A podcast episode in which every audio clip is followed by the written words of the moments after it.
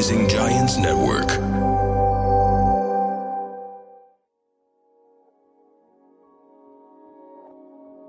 يا أهلا وسهلا بكم بحلقة جديدة في لحظة مع ميس ومثل جديد حكمة جديدة يوم جديد. المثل مال اليوم شو يقول؟ اللي ما يعرفش يقول عدس.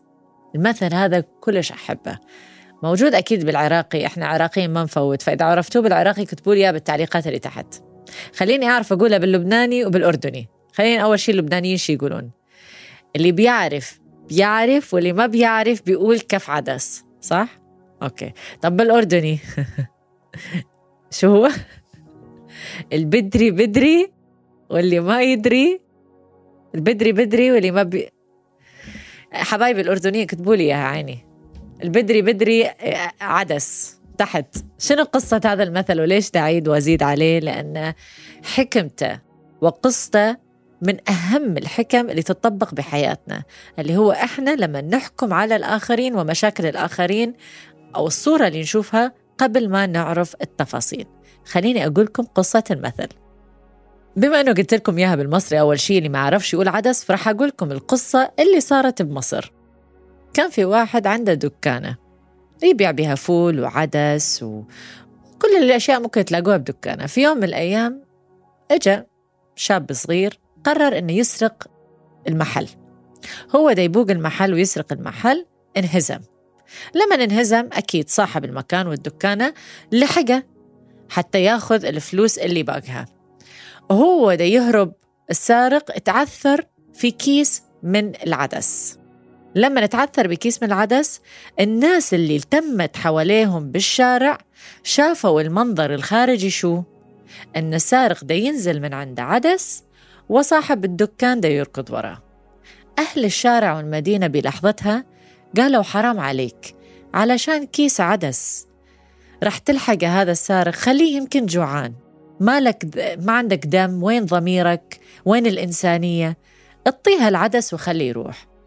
بلحظتها رد عليهم صاحب الدكانة قال لهم اللي ما يعرفش يقول عدس. هذه قصة المثل. الطريقة اللي طلعت بها بمصر. لبنان والأردن كان فيها شوية قصة حب.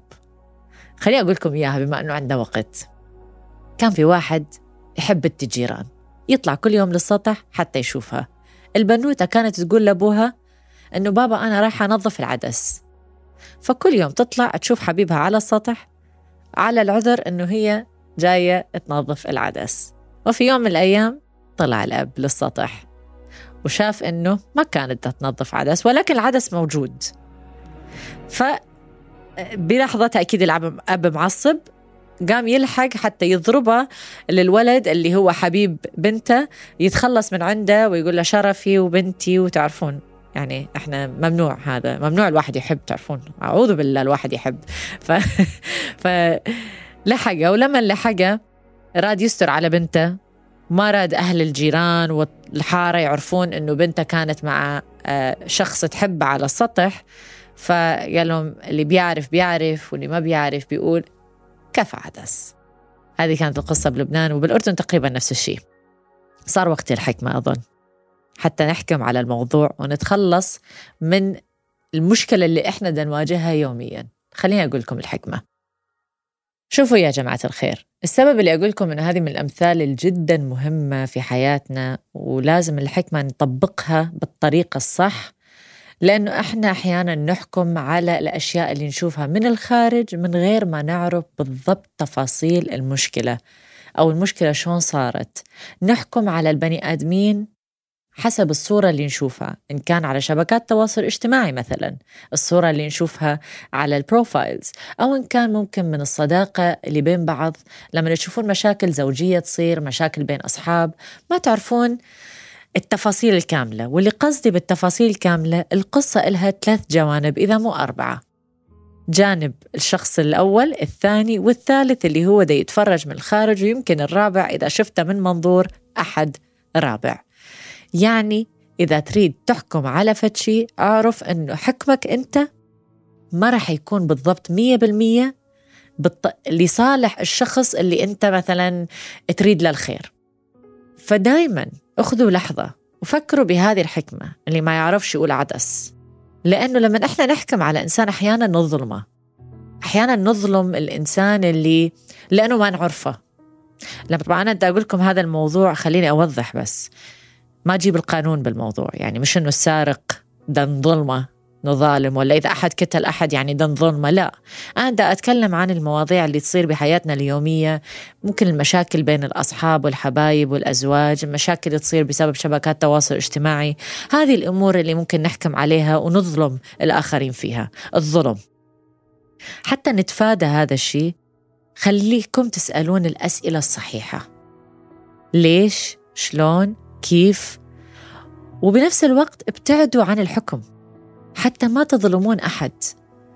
لأنه بالنهاية إذا أنت ما حكمت على الوقت موقف اللي صار أو ما حكمت على الشخص اللي آه تصرف بطريقة معينة أو تعامل معك بطريقة معينة أولا أنت ترتاح نفسيا. ثانيا تعطي مجال للشخص المقابل أنه يبين لك هو فعلا شو يريد.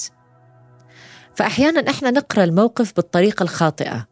أريكم تاخذون لحظة وفكروا بالموضوع. هل أنت في يوم ما حكمت على موقف أو على شخص في موقف معين؟ بعدين أخ ندمت عليها شفت أنه لا والله هذا الإنسان طيب. وأحيانا إحنا نحكم قبل ما أصلا نعرف الشخص. نتعرف على ناس يعني من الخارج نقول أخ لا ما ارتحت له. ما حبيت وجهه ما حبيت ستايله ما حبيت شعرها. طب أنت على أي أساس حكمت على هذا الإنسان؟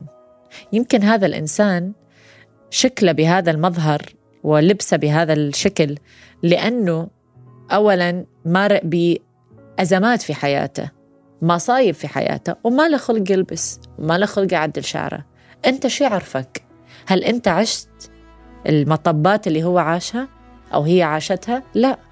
فما لك حق تحكم على الشخص اللي أمامك بدون ما أنت أصلا تعرفه وبنفس الوقت ما عشت الحياة اللي هو أو هي عاشته فإذا إحنا نريد نحترم الآخرين ونحترم أنفسنا لازم نتبع القانون اللي ما يعرفش فعلا يقول عدس. من برا هلا هلا ومن جوا يعلم الله قصة هذا المثل ما عرفة بس راح أجيب لكم إياه لأنه فعلا يصير على الاثنين أو نختمها أو نختم هاي الحلقة بمن برا هلا هلا ومن جوا يعلم الله. لا تخلي المظاهر تغشك. لأنه من برا هلا هلا من جوا ما تعرف إيش يصير. الله أعلم. ممكن تعبان ممكن زعلان ممكن depressed. فبالراحة يا جماعة الخير.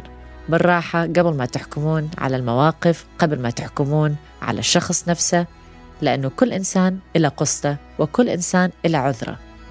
بس شو هو هذا العذر؟ شنو هي القصة؟ أحسن تسألون. هذه كانت حلقة اليوم. أريدكم تكتبوا لي بالتعليقات اللي تحت شنو المثل اللي أنتم تحبوه. واللي أنا راح أسويه حدور لكم على القصة. شخصيا أنا حابة أدور على القصة من برا برا من برا هلا هلا ومن جوا يعلم الله. بس أنتم هم كتبوا لي القصص اللي أنتم تحبوها والأمثال اللي أنتم تحبوها وأنا من هالعين قبل هالعين أسوي لكم إياها في لحظة مع ميس. أشوفكم بالحلقة الجاية.